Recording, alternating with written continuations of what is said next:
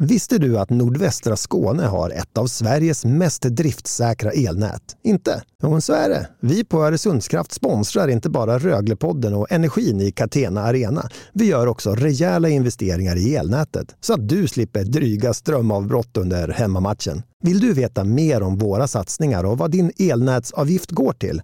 Kolla in oresundskraft.se svarar.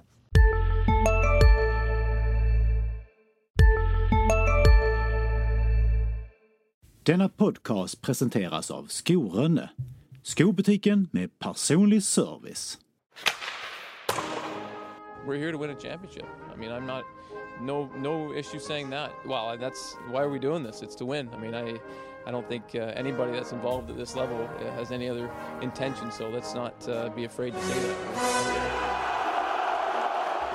Pappa och Rogge och jag tror de har ju ändå gjort något stort för klubben liksom och de var väldigt stora där och det är ju bara kul att jag och Lukas har fått komma upp i A-laget båda två också och föra Elvenäs vidare.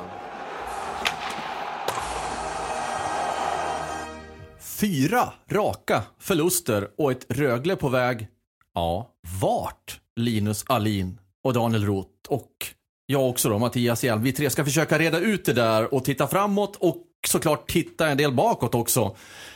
Och med tanke på läget och de skador som har varit och är.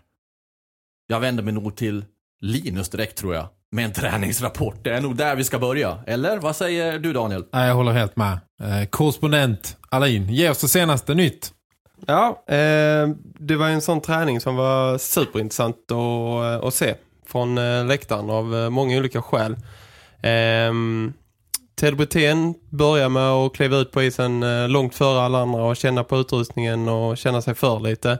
Har ju saknats länge eh, på grund av eh, skada, eller känns som han har saknats länge i alla fall. Ehm, och är otroligt viktig för Röjles lag. Leon Bristet var ju tillbaka mot Växjö senast och Ted Brithén har man då också väntat på. Eh, han körde under hela passet, var med på alla övningar. Och man brukar ju under träningar kunna utläsa rätt och snabbt. Okej, okay, han är spelklar, han kan lira. Eh, när man ser om de matchas in i, i eh, sin kedja eller inte. Så i byte ett så spelar Simon Ryfors mellan Daniel Saar och eh, Leon Bristet. Tänkte jag direkt att, ah, okej, okay, Telbreten är inte redo. Sen i nästa byte så spelar Telbreten med Leon Bristet, Daniel Saar. Så han alternerar med Ryfors. Så började man direkt tänka, okej okay, han är nog redo att spela ändå. Så blir det powerplay-övning, ingen Ted Brithén, nej då är han ju nog inte redo. Och sen i nästa byte så spelar han powerplay. Så det är, det är nog verkligen som Rögle säger att de vet inte själva om eh, han kan spela mot eh, Djurgården förrän efter matchvärmningen. Det handlar, handlar väl säkert om hur, hur kroppen reagerar på den här första träningen. Han verkar ha varit av länge så att han kan är väl en sak men hur, hur känner han sig när han vaknar imorgon? Precis, hade han haft ett besked direkt när han klev av isen så hade vi ju eh, gjort någon slags rubrik på hd.se eh, att Röglestjärnas besked efter avgörande testet. I natt! I natt. Vi har hela listan. Eller något liknande. Men nu kom det inget besked. Så um, vi får uh, snällt vänta på laguppställningen efter um, matchvärmningen eller inför nedsläpp mot Djurgården. Och jag kan säga att jag har stor förståelse för att du inte drar eller kan dra en slutsats här eftersom jag, om vi backar tillbaka så långt som innan Luleå-matchen, var på den träningen, den sista träningen inför den.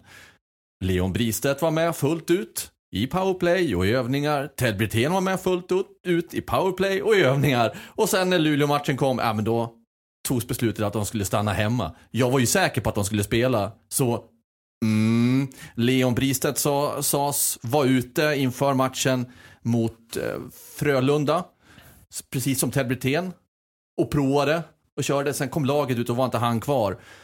Och han var inte med. Så, mm, nej, ganska svårt läge att, att sia här. Ja, i sådana här tider, vid den här tiden på säsongen så är det ju ibland så att lag eh, drar en liksom luring inför media och säger att eh, nej men det är dag för dag. Så har man redan tagit beslutet att spelaren i fråga, han kommer att lira liksom. Men nu känns det ju verkligen som att det är dag för dag eller timme för timme med Britens status. Precis som det säkert var med Leon Bristet också.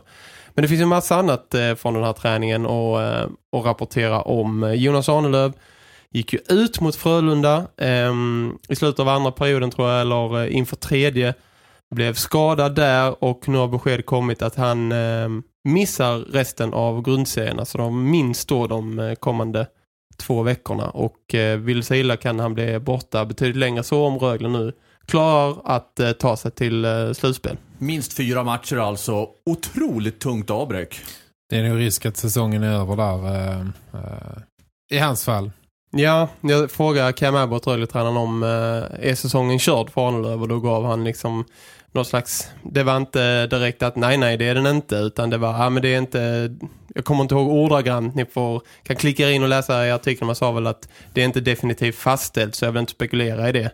Och det är också ett, eh, ett svar som ändå öppnar för att det är, dessvärre kan vara helt färdigspelat för, för honom. Han, är ju, han bjuder ju väldigt lite ska vi säga på information om spelare också. Vad som gäller och vad som kan hända. Så även om han skulle veta så skulle han säkert inte säga det. Bara snabbt infliket mot bakgrund av det kan man ju säga att den här värvningen, även om inte Eric Jelinas har, har liksom eh, gjort någon, fått någon succéstart så den värvningen mot bakgrund av detta blir ännu viktigare eh, med tanke på en klippa som Arnelöv som är kanske borta resten av säsongen. Ja, och alltså, tittar du på Jonas Arnelöv med den rutinen han har ehm, med eh, landslagsspel och KL och allt vad det nu är. Så någonstans var ju han, han var värvad för att stötta upp eh, under säsongen såklart under grundserien. Men någonstans så är det ju precis just nu de här sista matcherna och in i ett slutspel då om Rögle grejer det som han hade kanske varit som allra mest värdefull. Man har ju sett i vissa matcher när det har brunnit till när Rögle har spelat derbyn och även då eh, tidig, innan den här svackan att han har steppat upp och, och höjt sin nivå eh, när det är liksom kniven på strupen matcher. Och att då tappa honom nu, eh, dels för vad det innebär på isen men också i omklädningsrummet. Jag gjorde någon artikel förra veckan tror jag det var om honom där han liksom pratar om hur han spred glädje i laget och han är liksom omvittnat eh, omtyckt, någon som kan lätta på stämningen när det behövs, när det ligger massa allvar i luften och massa måsten hela tiden över en grupp så är han den som kan dra ett skämt så alla börjar garva och sen släpper de man går ut och spelar hockey istället. Så jag tror att det här tappet eh, det finns ju skickliga eh, Cody Curran är ju liksom en skickligare back i, i, i Rögles eh, försvarsuppsättning men den betydelsen Jonas Arnlöv har eh, totalt sett eh, gör att detta är ett eh, väldigt tungt avbräck. Man kanske ska säga Cody Curran, jag vill säga det. Cody Curran kanske är skickligare offensivt då, men jag vet inte om man skulle säga att han är bättre defensivt än Jonas Arnelöv. Nej, då har du helt rätt i. Det var kanske lite slarvigt eh, uttryckt av... Eh, Då är vi mig. överens Ja, där. det är vi, vi är helt överens i. Ja, och eh, jag vill också bara bekräfta det här med Arnelövs personlighet. För vi träffar ju spelarna utanför träning, träningarna och så. Han är ju väldigt lättsnackad och lätt till glimten i ögat. Så att när han själv pratar om det så eh, kan man ju tänka, ja men hur uppfattar andra honom? Ja, min bild är att så är det. Mm, verkligen. Jag, jag håller med. Det, det enda frågetecknet man egentligen kan sätta kring honom, för jag har själv hyllat honom i, i krönik och skrivit att när andra liksom springer och gömmer sig eller är jättelångt ifrån sin normala kapacitet så har han varit den som är närmast kanske. Han har ju ofta många gånger utstrålat stora ledaregenskaper. Det enda frågetecknet man kan sätta måste ju ändå göras kring hans fysik. Det finns väl ingen spelare som har klivit av eh, så många gånger under säsongen eh, som han. Eh, eh, det har varit väldigt många, väldigt mycket från och till och av och från och, och eh, klivit av och varit borta någon match och sen kommit tillbaka. Det gör att man, man måste eh, sätta ett frågetecken där i alla fall på en spelare som säkert är en av de bäst betalda i laget och, och, och har de uh, otroligt tunga meriterna han har från KL och, och, landslaget. Och det har inte handlat om att det är en skada som har återkommit, samma skada, om och om igen, som har gjort att han var tvungen, tvungen att kliva av och kliva på och kliva av igen. Det har jag inte uh, tillräcklig insyn i för att svara på men, uh, men en spelare som kliver av och på så mycket måste man ju ändå kunna sätta ett frågetecken kring liksom... Uh, Också för Det framtiden. fysiken. Också Ja, för framtiden. Men Eh, man- Hade han spelat alla matcher och varit, eh, eller eh, nästan liksom och haft den, eh, den närvaron som eh, de andra i truppen har, då hade det väl varit tveklöst att man skulle försöka förlänga med en sån spelare och signa upp på ett par år och ha som någon slags backklippa på längre sikt. Men nu blir det ju en betydligt större ovisshet där också eh, för Rögle om man tittar framåt. Eh, hur man ska göra med det kontraktet som ju går ut.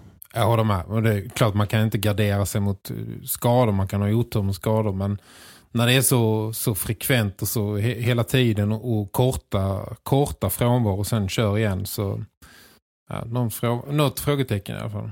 Och noterbart, det, det du sa nu eh, också är ju att det har ju säkert gjort det väldigt svårt för Jonas Svanlöv själv att nå upp till sitt 100% ja om Ja. man får vila ett par matcher sen spela eh, fyra, fem stycken, vila ett par. Man får ju aldrig det här jätteflowet som man eh, vill ha under en säsong där man bara lirar på och kommer in i rytmer och, och, och allt sånt där. Det blir ju hattigt. Jag menar, är han 110, 100% så ska han spela över 20 minuter per match och vara landslagsaktuell eh, rent krasst. Eh, Ja. Det har inte varit, så det, någonting är det ju. Ehm, jag var ju på plats uppe i Växjö och eh, det blev sent med jobb och allt vad det innebär och sen ut på, på träningen här nu. Och, Matchen var ju slut 21.04. Ja, Ja. men man, ju, man jobbar efter det ju. Ja, och man trycker inte på en knapp och så är man hemma. Nej, Precis. Jag skojar. Eh, men idag på träningen tänkte jag att jag ehm, hade tappat eh, mina linser eller någonting för helt plötsligt var det tre målvakter eh, på isen. Eh, det var ju så i alla fall att eh, Justin Pogge var där, Ville Kolpanen var där och Kalle Klang var där. En Röglets juniormålvakt som eh, spelar i ungdomslandslag och annat. Eh, jag frågade Cam Abbott eh, varför är ni helt plötsligt tre keeprar på, på träningspass och han svarar att eh, nej men det är som många andra lag gör så här års att man vill eh, ha tre målvakter på is om det är någon som vill köra extra att det finns någon och, eh, och målvakter och, ja, som står när man har, kör extra skottträning eller liknande eh, och ha en tredje keeper igång helt enkelt. Han sa inte att det beror på att vi har två målvakter som är helt iskalla. Så vi skulle vilja gömma ut där med en eh, het landslagsmålvakt. Han sa icke det. Alltså, vi, nu har ju vi Klang uppskriven på två punkter här och eh, en annan punkt som är målvakter. Så frågan är, eh, ska vi prata Klang nu eller ska vi vänta lite man, grann med Klang till en målvakts, Ja, vi väntar. målvaktspaket? För jag har lite grann jag vill komma in med där. Jaha, du har lite målvaktsteori. Ja, mm, mm. Jag fullföljer min eh, lapp jag har framför mig från träningen då och sen Mycket går vi bra. vidare. Mycket Ja. bra. För vi kan väl ändå dra kedjorna um, även om det blir lite eh, då hattigt med Britten och andra så kan vi väl berätta hur Rögle tränar. Backparen var eh, för övrigt oförändrade då Bartov Curran och sen Jelena och eh, Craig Shearer, eh, Allen Bibic och Samuel Jonsson och extraback eh, Jesper Williamson. Eh, men då första kedjan med Daniel Saar, Simon Ryfors, Leon Bristedt och det var då här Ted Brithén var inne och körde vartannat byte ungefär. Eh, sen eh, i nästa har vi Lukas Elvenäs, Taylor Mattsson, Lind Sandin. Där var inga konstigheter den, de körde på hela träningen. Eh, En tredje line där eh, Kevin Wenström, Mattias Sjögren och Daniel Widing körde. Här alternerar Trevor Mingoya och jag ska säga det att min känsla var att Kevin Wenström gick före Mingoya i den här kvartetten. Ehm, så det kan mycket väl vara så att Trevor Mingoya blir extra och att man slänger in Kevin Wenström som startspelare mot Djurgården. Intressant. Mm. Fjärde kedjan då eh, med Olle Liss, Matt Carey, Nils Höglander och här var då eh, Erik Andersson inne och eh, körde där också. Oklart vem som gick före vem där men eh, det var de fyra i alla fall som, som turades om i, i den enheten. Eh, så det är ju så nu att eh, om Ted Brithén kommer tillbaka så är det ju bevisligen så att folk eh, kommer att få flytta på sig och flyttas om och det kommer hända grejer på, på forwardsidan för det är folk som inte kommer få, få plats i statusuppställningen. Kan man kommentera det där lite grann? Gör det. Alltså, om din känsla är rätt, Linus, får jag väl säga då, eftersom vi inte vet detta, så förstår jag inte hur Cam Abbott, nu kommer jag droppa ett namn, men nu, ja, men nu gör jag det. Jag förstår inte hur han kan ranka Matt Carey så högt att han skulle gå före Trevor Mingoya. Jag förstod inte hur han kunde gå före Olle Liss tidigare. Jag fattar inte det här. Förklara för mig, vad ser han i Matt Carey förutom att han gjorde ett mål för inte så länge sedan? Jag, jag förstår inte. Ja, det var för tre veckor sedan eller fyra hade jag kanske hållit med dig. Jag tycker nog att en sån som Matt Carey har motiverat sin existens eh, sista, eh, sista liksom, vad ska jag säga, sju, åtta matcherna tyckte, tyckte i början att det såg ut som en eh, spelare som kanske inte tillförde så mycket. Men ja, jag tycker nog att han i sin liksom i den rollen han har så är han, är han definitivt en av tolv forwards. Det håller inte jag med dig om. Jag tycker inte att han ska spela. Där är vi helt oense faktiskt. Ja. Eh, och eh, sen lade jag märke också till att du, Daniel Wide var inte med eh, Ryfors då och Sar utan flyttad. Precis, till Kevin Wenström, eh, Mattias Sjögren och då Mingoja, eh, det, det gänget så att säga.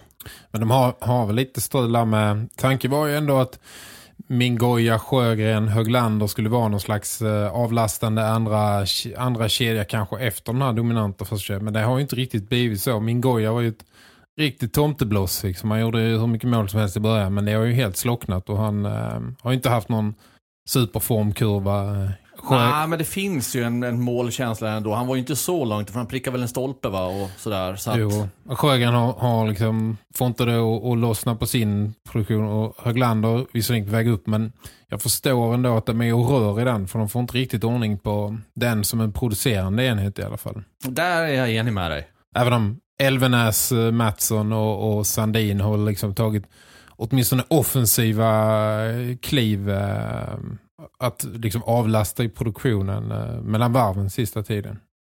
Vill ni ha en liten parentes innan jag lägger ner pappret? Ja. Yeah.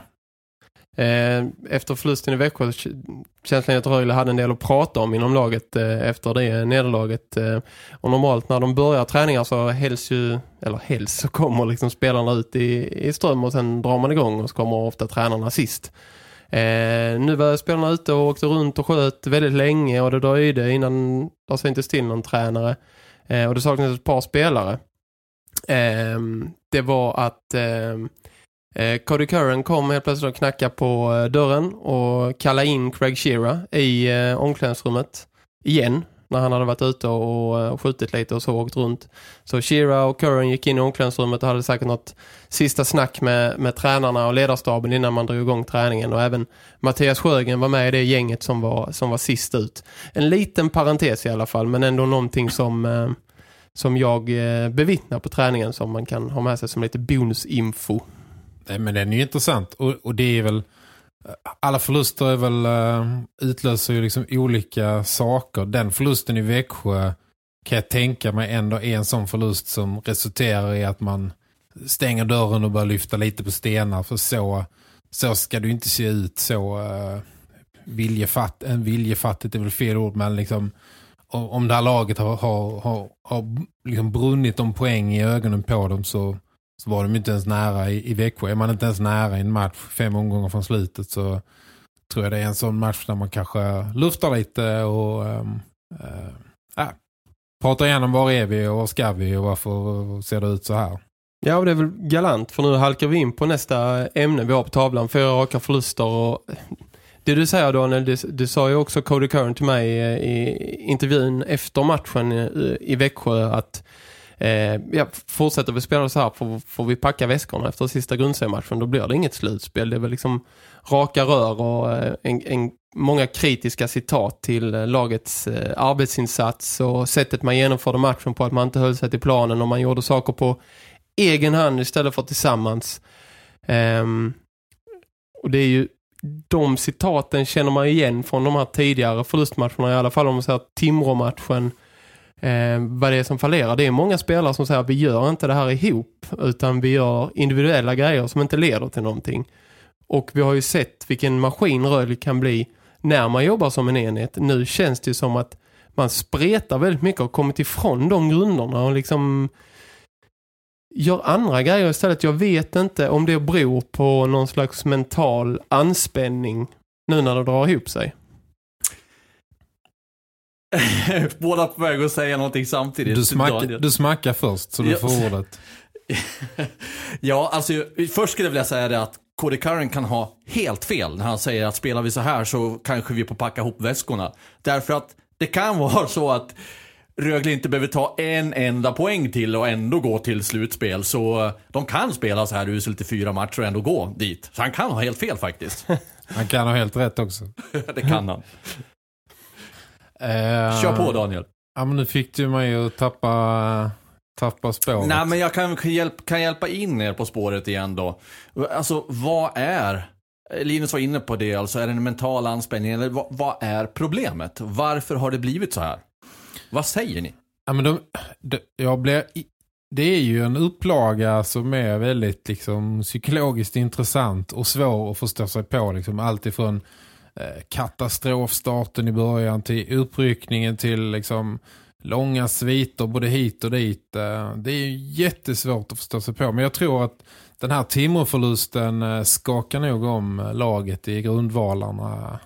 Men att säga att man hade fått utdelning i början och runnit iväg till en, till en seger. Det är inte säkert att det hade suttit, sett ut så här då. Men det, det är väldigt talande siffror. Mot Timrå har Rögle tagit fyra av 12 poäng den här säsongen. Det är ju där. Alltså 10 av 12 hade väl varit en normal utdelning med tanke på hur svaga timmar har varit. Och då hade man ju suttit upp på rätt sida, eh, på andra sidan topp 6-strecket. Eh. Och det är, väl, det är väl ganska mycket, det är talande för eh, det här lagets säsong att det finns en enorm kapacitet och den visar sig oftast mot bättre lag där man inte har eh, får taktpinnen i hand och där man inte har samma förväntningar på sig. Den dagen när man möter ett sämre lag och någon säger eh, nu är det upp till er att göra någonting av detta, kan ni lösa det? så eh, springer ju alla runt och sätter krokben för sig själv. Eh, och det är väl en eh, mognadsfråga kanske. Det är ett, ett ganska orutinerat lag eh, som vilar på ganska få tunga ben. Och när de benen är borta så blir det liksom väldigt tomt i ledarbåset. Men du, du är väl där inne på förväntningar igen. Det är ju nu... Eh, alltså Rögle är jagade. De är inte det här laget som jagar. Eh, kolla på Örebro nu till exempel. De har ju ingenting att förlora i de här eh, sista matcherna för de har, kommer från ingenstans uppe på eh, samma poäng som Linköping och, och Brynäs plötsligt efter sin, sin streak. Eh, de har allt att vinna. Rögle är det jagade laget. Där är det ju en annan typ av press. Det är ju vi, Örebro misstänker och känner att eh, ja, men en seger till så är vi eh, nästan i kapp att man känner att man hela tiden har något att uppnå. Rögle får inte tappa någonting för förlorar vi nästa så kan de vara i kapp oss. Det blir liksom apropå det du sa om förväntningar, den pressen Rögle har på sig nu när allting ställs på sin spets, den måste man ju kunna hantera på ett bättre sätt än vad de har gjort ändå ju för att om man nu faller igenom här och fortsätter och, och vara långt ifrån de höjderna man har varit tidigare på säsongen då har man ju liksom egentligen inte ett slutspel att göra heller. För det är ju nu det är nu det gäller på något sätt på något sätt. Ju. Agnarna från vetet, det är nu det är upp på hästen och, och leverera om man ska nå sina mål.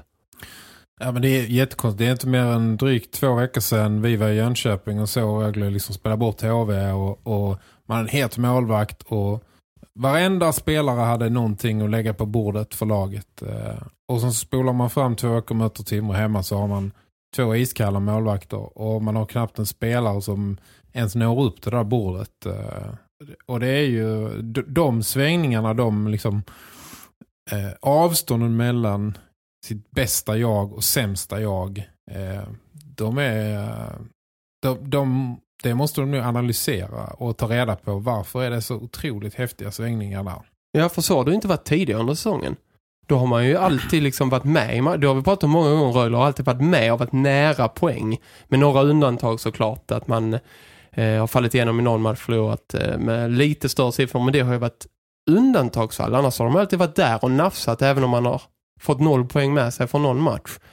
Som du säger, vad gör att det, det här svänger så mycket? Beten och bristet borta. De, det är klart att hade, vi snackade om det, hade Rögle listat eh, fem spelare som man absolut inte får tappa. Tre. Ja, tre. Eller två. ja, precis. Då är det ju de två. Så det är klart att de lider jättemycket av att ha haft dem borta.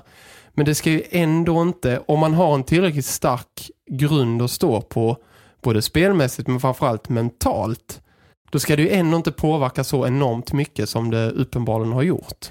Och det är ju inte direkt de som kastar in puckarna i eget nät.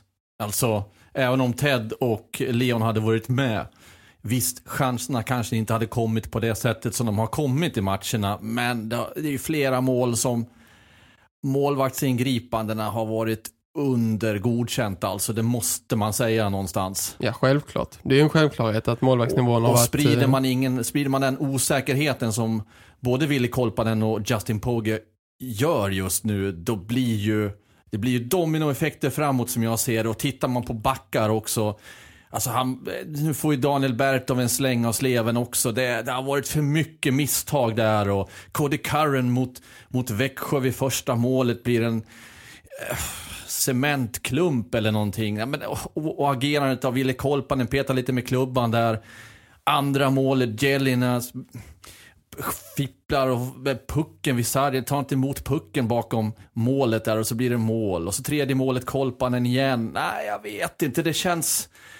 Det är för, det är för stabbigt från målvakter och framåt alltså. Det blir effekt på effekt på effekt, som jag ser det. Ja, men det, är, det är snöbollseffekter åt alla håll. Men när, eh, när det rullar åt rätt håll så, så finns det ingen, äh, finns det ingen gräns för hur starka de är. Jag tjatar om det. Sen, sen liksom fick ordning på sitt spel i slutet på oktober så har det nu hänt två gånger att Rögle åkt hem från en bortamatch utan poäng. Äh, och båda gångerna har varit i Växjö. Annars har han tagit poäng i alla bortamatcher. Det säger ju allt om liksom vilken kapacitet som finns i laget.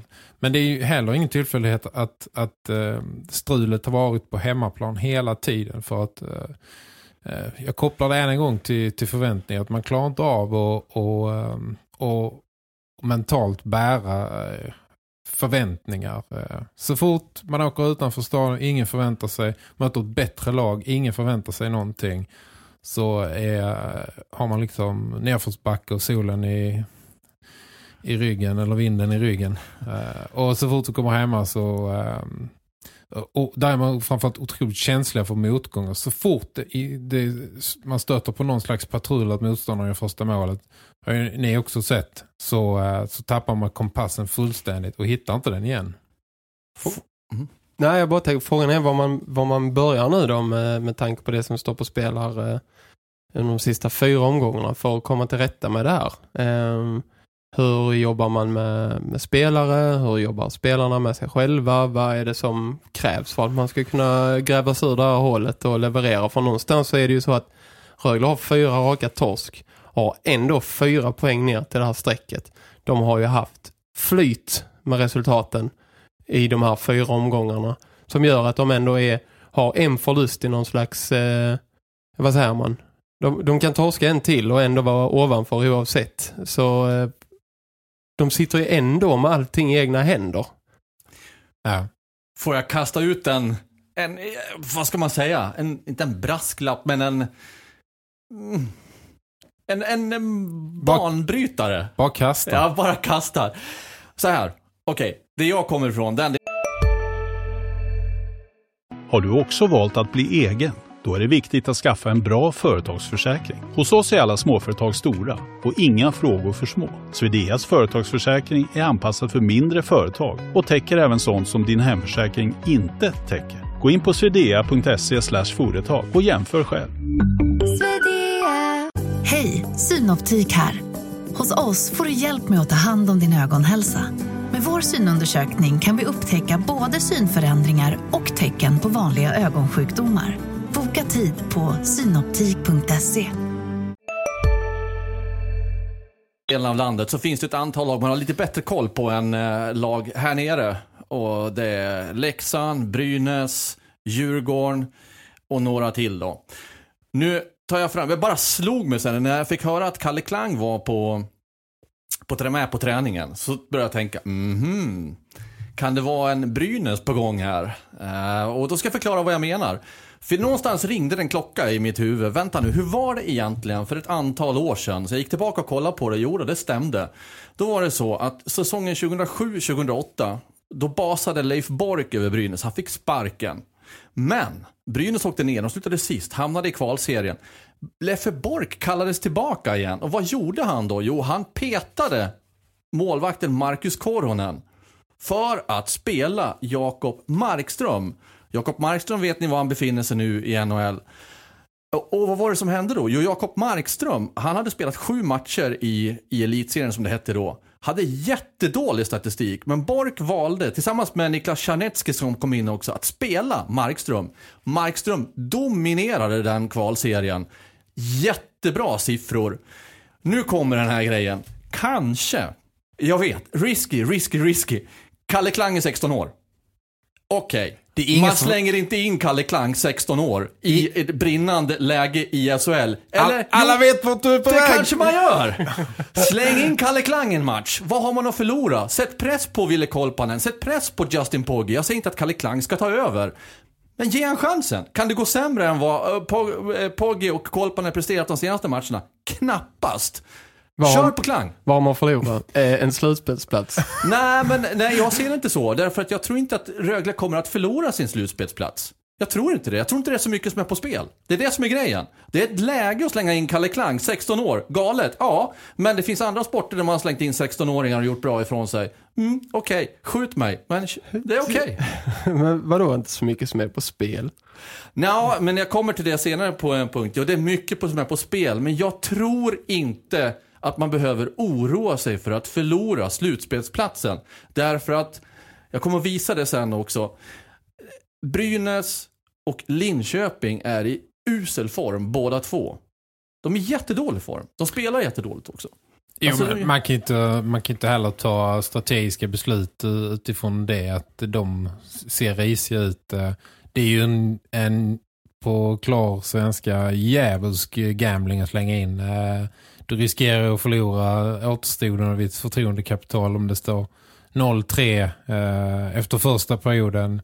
Du måste ju tänka igenom det beslutet uh, noga i alla fall. Plus att du på köpet skulle sänka både Kolpanen och, och Poggi under skorna. Du kan sänka tre målvakter på en period. Ja, faktiskt. Är de inte redan sänkta då?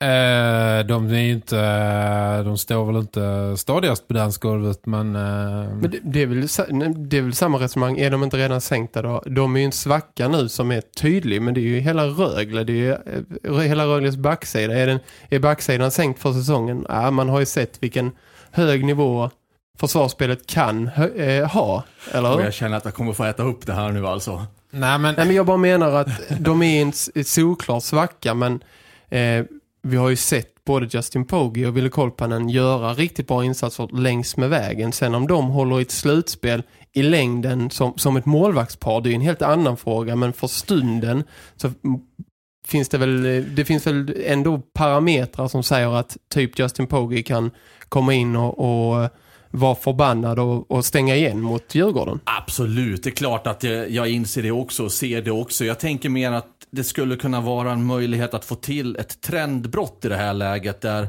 det har varit kallt målvaktsspel, kallt försvarsspel. Att kanske få in en som, som är het, för han är ju väldigt het. Jag vet att det är stor skillnad mellan J20 och A-lag också, men han, har- han har varit väldigt bra mot slutet, vad jag har, de rapporter jag har fått i alla fall.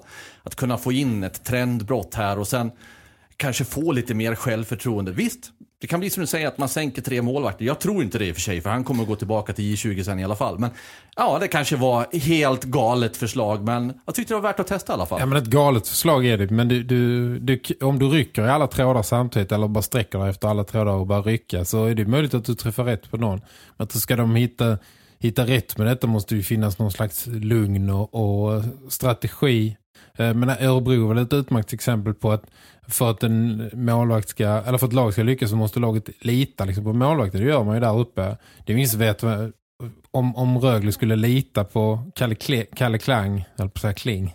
Kalle Klang i det här läget han kommer in. Eh, men de måste ju det finns ju ingen sån quick fix. De måste ju hitta tillbaka alla de som har, har eh, för, så sent som för två veckor sedan varit i Jönköping och, och uh, gjort, mos av ett lag där måste ju hitta ihop tillsammans och hitta någon slags struktur. Jag vill bara komma till det som jag eh, jag skrev en krönika igår kväll sen i morse så jag kan inte riktigt släppa hur, hur spända Cam Abbotts uh, käkar är för tillfället. Jag, jag fastnar helt i det så att jag skrev en krönika om hans käkar. Eh, men eller att han, eh, han ser väldigt liksom sammanbiten ut hela tiden och, och jag tror att det är, vi, du pratade fråga innan Linus, hur ska de komma tillbaka? Vad, är- vad är problemet? Hur ska de hitta tillbaka? Och jag tror någonstans att eh, sänka axlarna och börja liksom tänka på att det här det är faktiskt ganska roligt det vi håller på med. Den här klubben har hållit på och spelat hockey och bandy i hundra år. De har aldrig varit med om detta. Eh, Det här är liksom det bästa klubben har presterat någonsin i stort sett. Alltså slappna av och njut av det istället. Eh, Det ser ju ut som att de s- spelar med livet som insats. Eh, Den igår var ju att det, det kändes inte som att man såg ett, ett leende någonstans. Liksom. Det är rätt kul det här. Det är väl dags att kanske... Det är lätt att glömma i liksom allvarets stund men eh, jag tror det är rätt viktigt att påminna sig om det. Ja, det, jag instämmer där. Helt klart. absolut, fram med ett leende. Det kan Mm. inte kosta så mycket.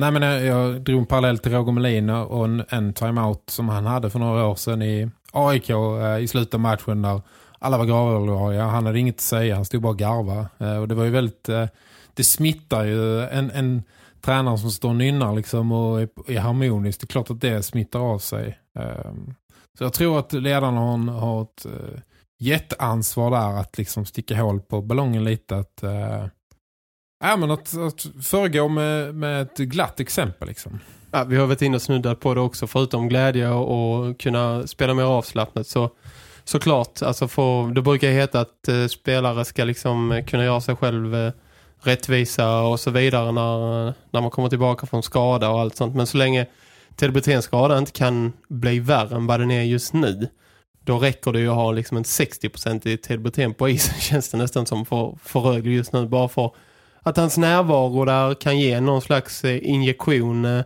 om han sen går in och spelar i, i powerplay och kör vartannat byte i 5 mot 5 eller vad som helst. Men det hade också kunnat ge Rögle någonting eh, för att bryta ett mönster.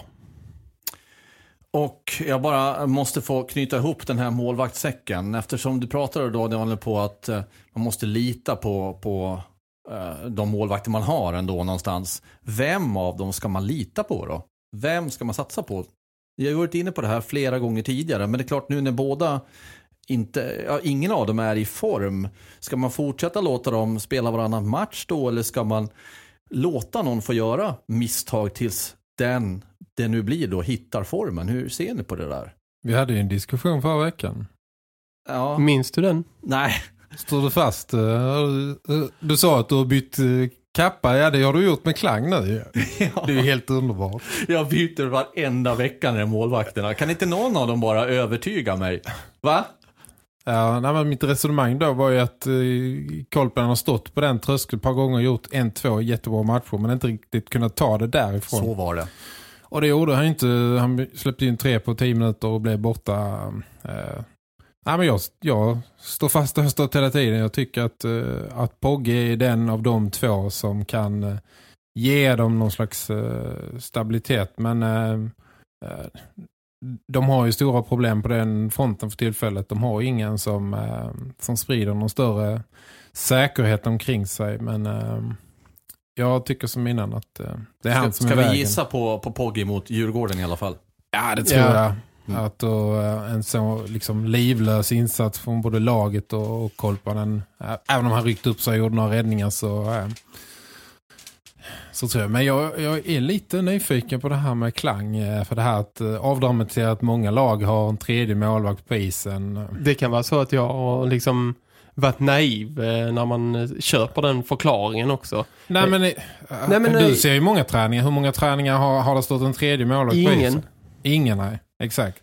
Det är därför jag liksom påtalar det här nu att det kan ha varit att eh, det är en förklaring som eh, Yes. helt enkelt inte stämmer. Det kan bero på eh, det vi är inne på lite men det kan kanske också bero på att någon av Rögles målvakter, även om de A-lagsmålvakter då, även om de var på is, kanske någon har någon liten känning eller någonting som gör att man vill säkra upp på något sätt. Eller så är man, eh, gör man det som en ren eh, gest för att eh, visa liksom att eh, här finns ett alternativ som vi funderar på. Ryck upp er, typ. Det kanske inte betyder någonting men he helt klart är att alla liksom, spelare har reagerat som vi. Vad gör han på isen? Eh, Alltså, det, man skickar en signal. Det är ett sign det, man skickar en signal med att sätta in en 16-17-årig landslagsmålvakt eh, på isen i alla fall. Den saken är ju säker.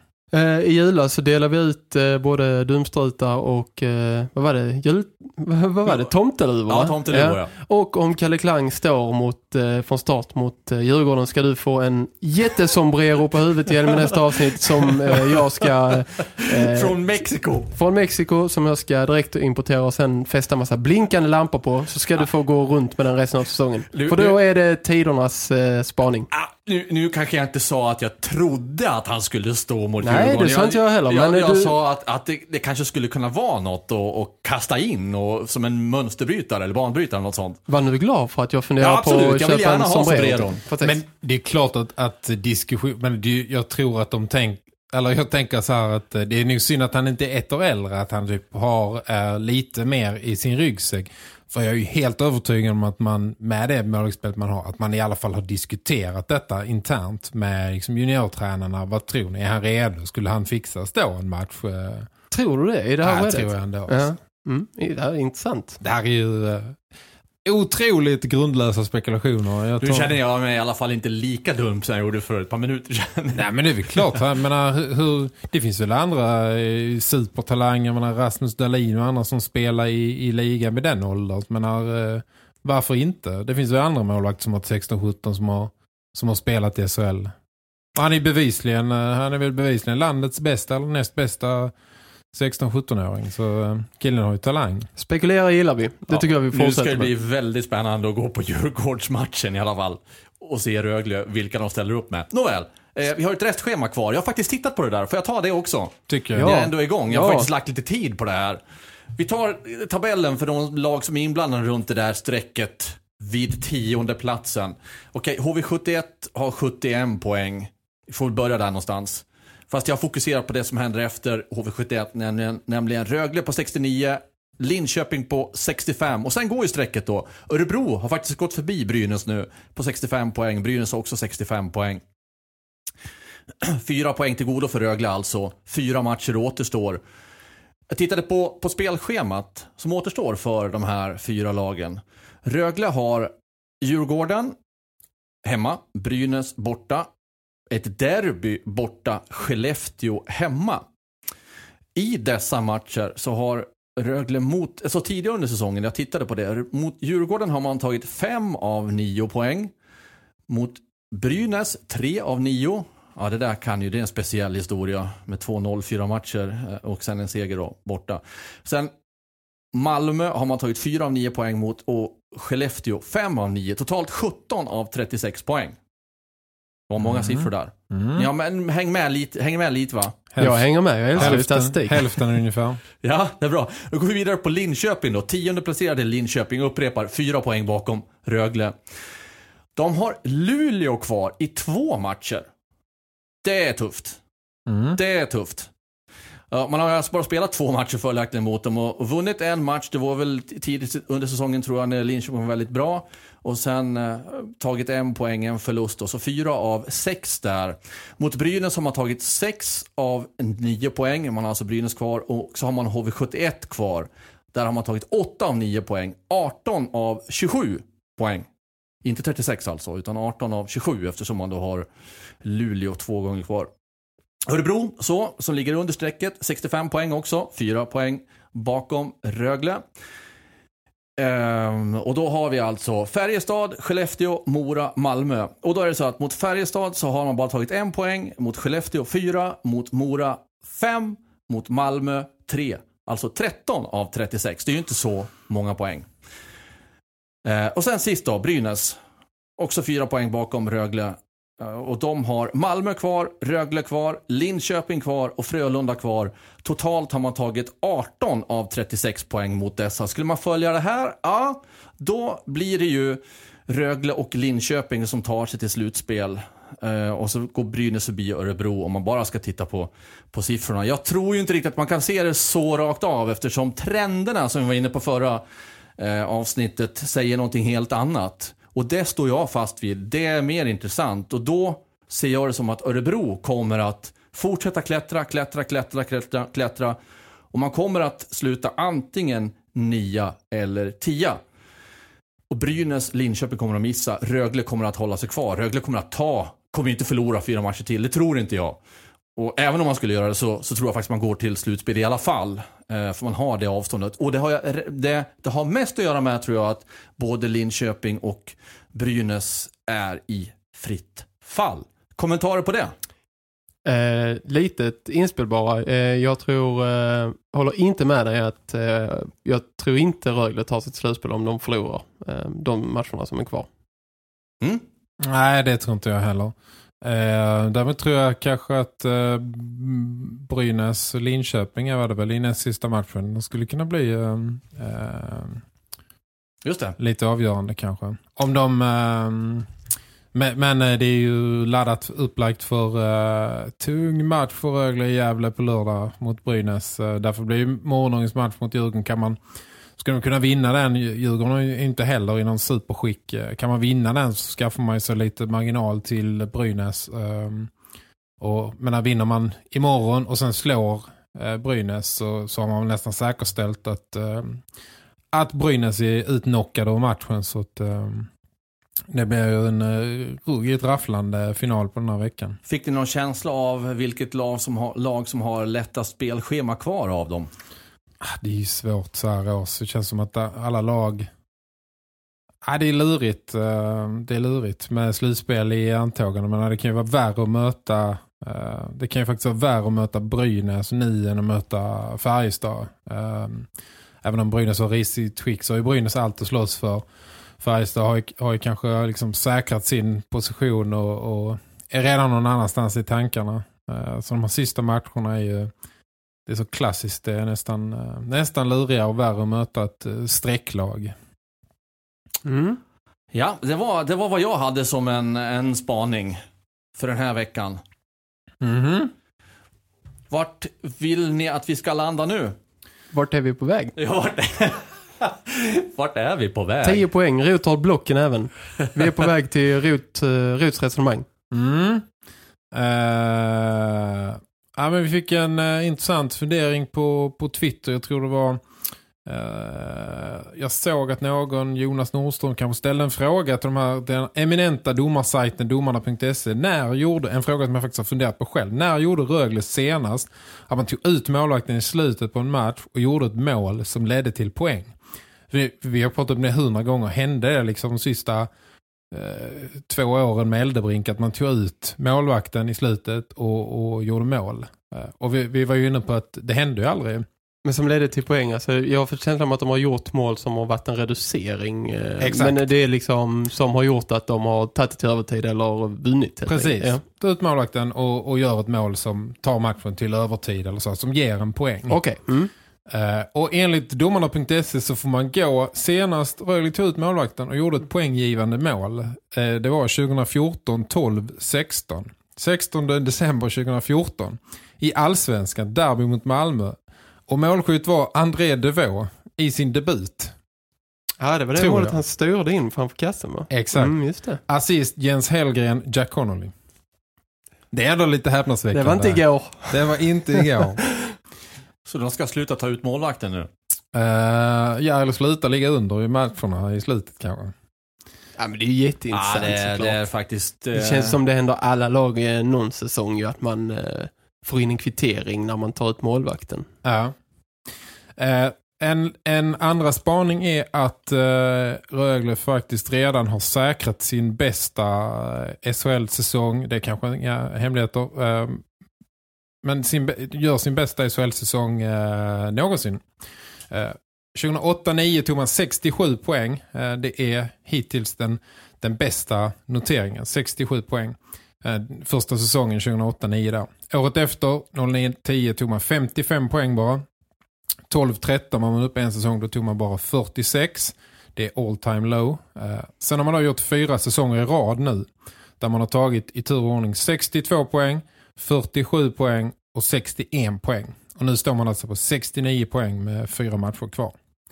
Och i sammanhanget kan man faktiskt notera att eh, eftersom eh, man nu har säkrat kontraktet så är det ju klart med att Rögle kommer inleda en femte raka säsong i landets högsta hockeyliga. Det har faktiskt aldrig hänt. Rekordet var mm, fyra stycken, eh, 92 till 96. Så att man har bäddat för något slags rekord i alla fall.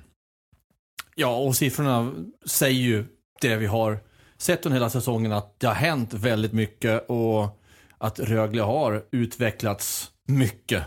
Så att, att det här bekräftar bara att det är en klubb som har något på gång. Just det. Jag har en grej kvar. Är ni sugna på en nakenchock? Inte här inne kanske. Nej. Nej, vi brukar ju sätta oss ner. Jag, jag går ut. Eh, nej, men jag, jag behåller uh, byxorna på. Men, Vilken eh, fråga ställa ja. rätt ut så. ja, men är ni intresserade av att höra talas om en nakenchock? Ja, det, det, det är kan klart man att ni ja, men det är jag.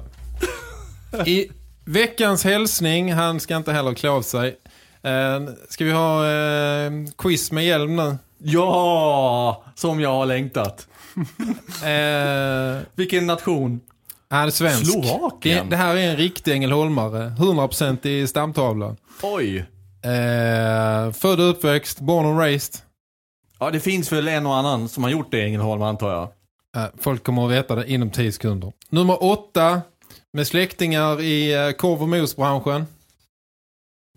Per i viken. Linus hjälper honom. Nej, men jag är, är tom i skallen. Lindéns korvkiosk är den bekant. En Ja, institution i Ängelholm. Där har man sett några gånger. Det har man va? Nej. Jo, jag också. eh, Björn Lindén har vi att göra med. Idag eh, 41 år gammal. Eh, en eh, spelare som gick rakt igenom eh, alla ungdomsleden i Rögle.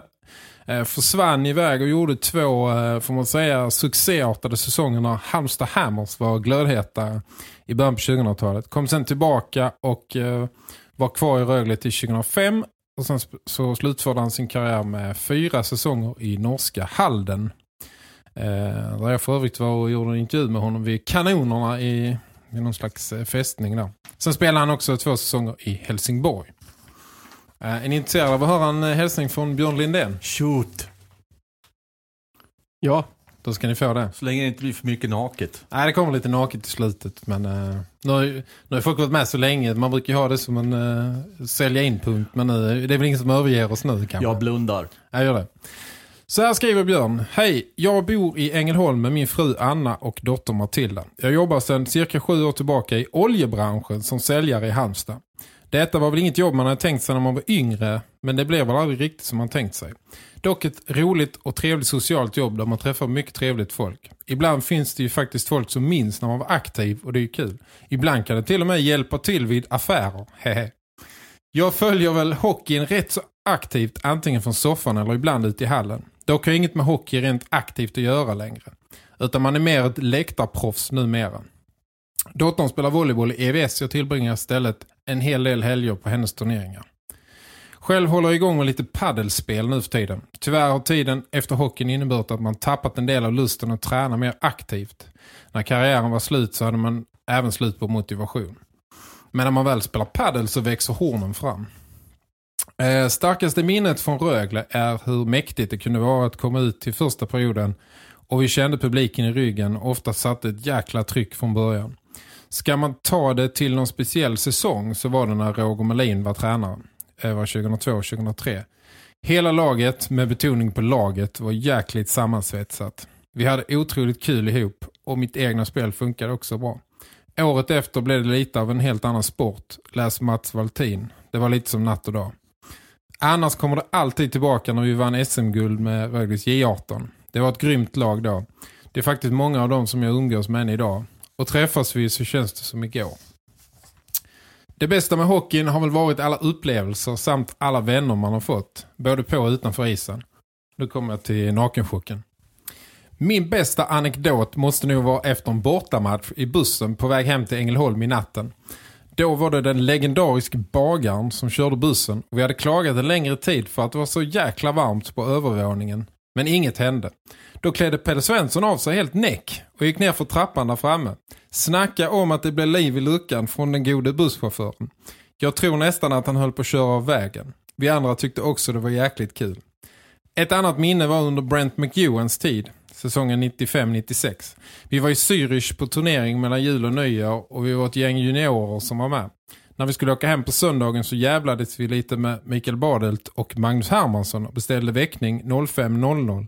Så de satt fint och väntade i receptionen när alla andra släntrade ner vid halv tio tiden. De hade väl inte full koll på saker och ting. Sen fanns ju inte mobilen på samma sätt då. Ha det så fint. Med vänliga hälsningar, Björn. Tack så jättemycket, säger vi. tack, Såklart. tack. Hade inte han någon ramsa också? Jo, den kan du, Björn. Eller. Nej. Den tränar vi på. Den får vi lära dig till nästa vecka. Ja, det får ni göra. Mm. Är vi mål?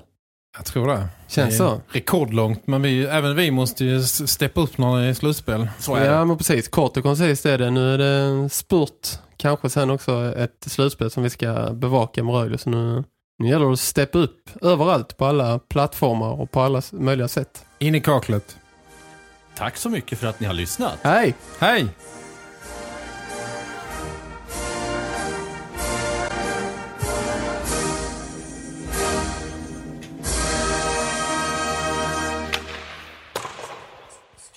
Denna podcast presenteras av Skorönne, skobutiken med personlig service. Hej, Susanne Axel här. När du gör som jag och listar dig på en av Krys vårdcentraler får du en fast läkarkontakt som kan din sjukdomshistoria. Du får träffa erfarna specialister, tillgång till lättakuten och så kan du chatta med vårdpersonalen. Så gör ditt viktigaste val idag, listar dig hos Kry. Upptäck det vackra ljudet av McCrispy Company för endast 89 kronor. En riktigt krispig upplevelse. För ett ännu godare McDonalds.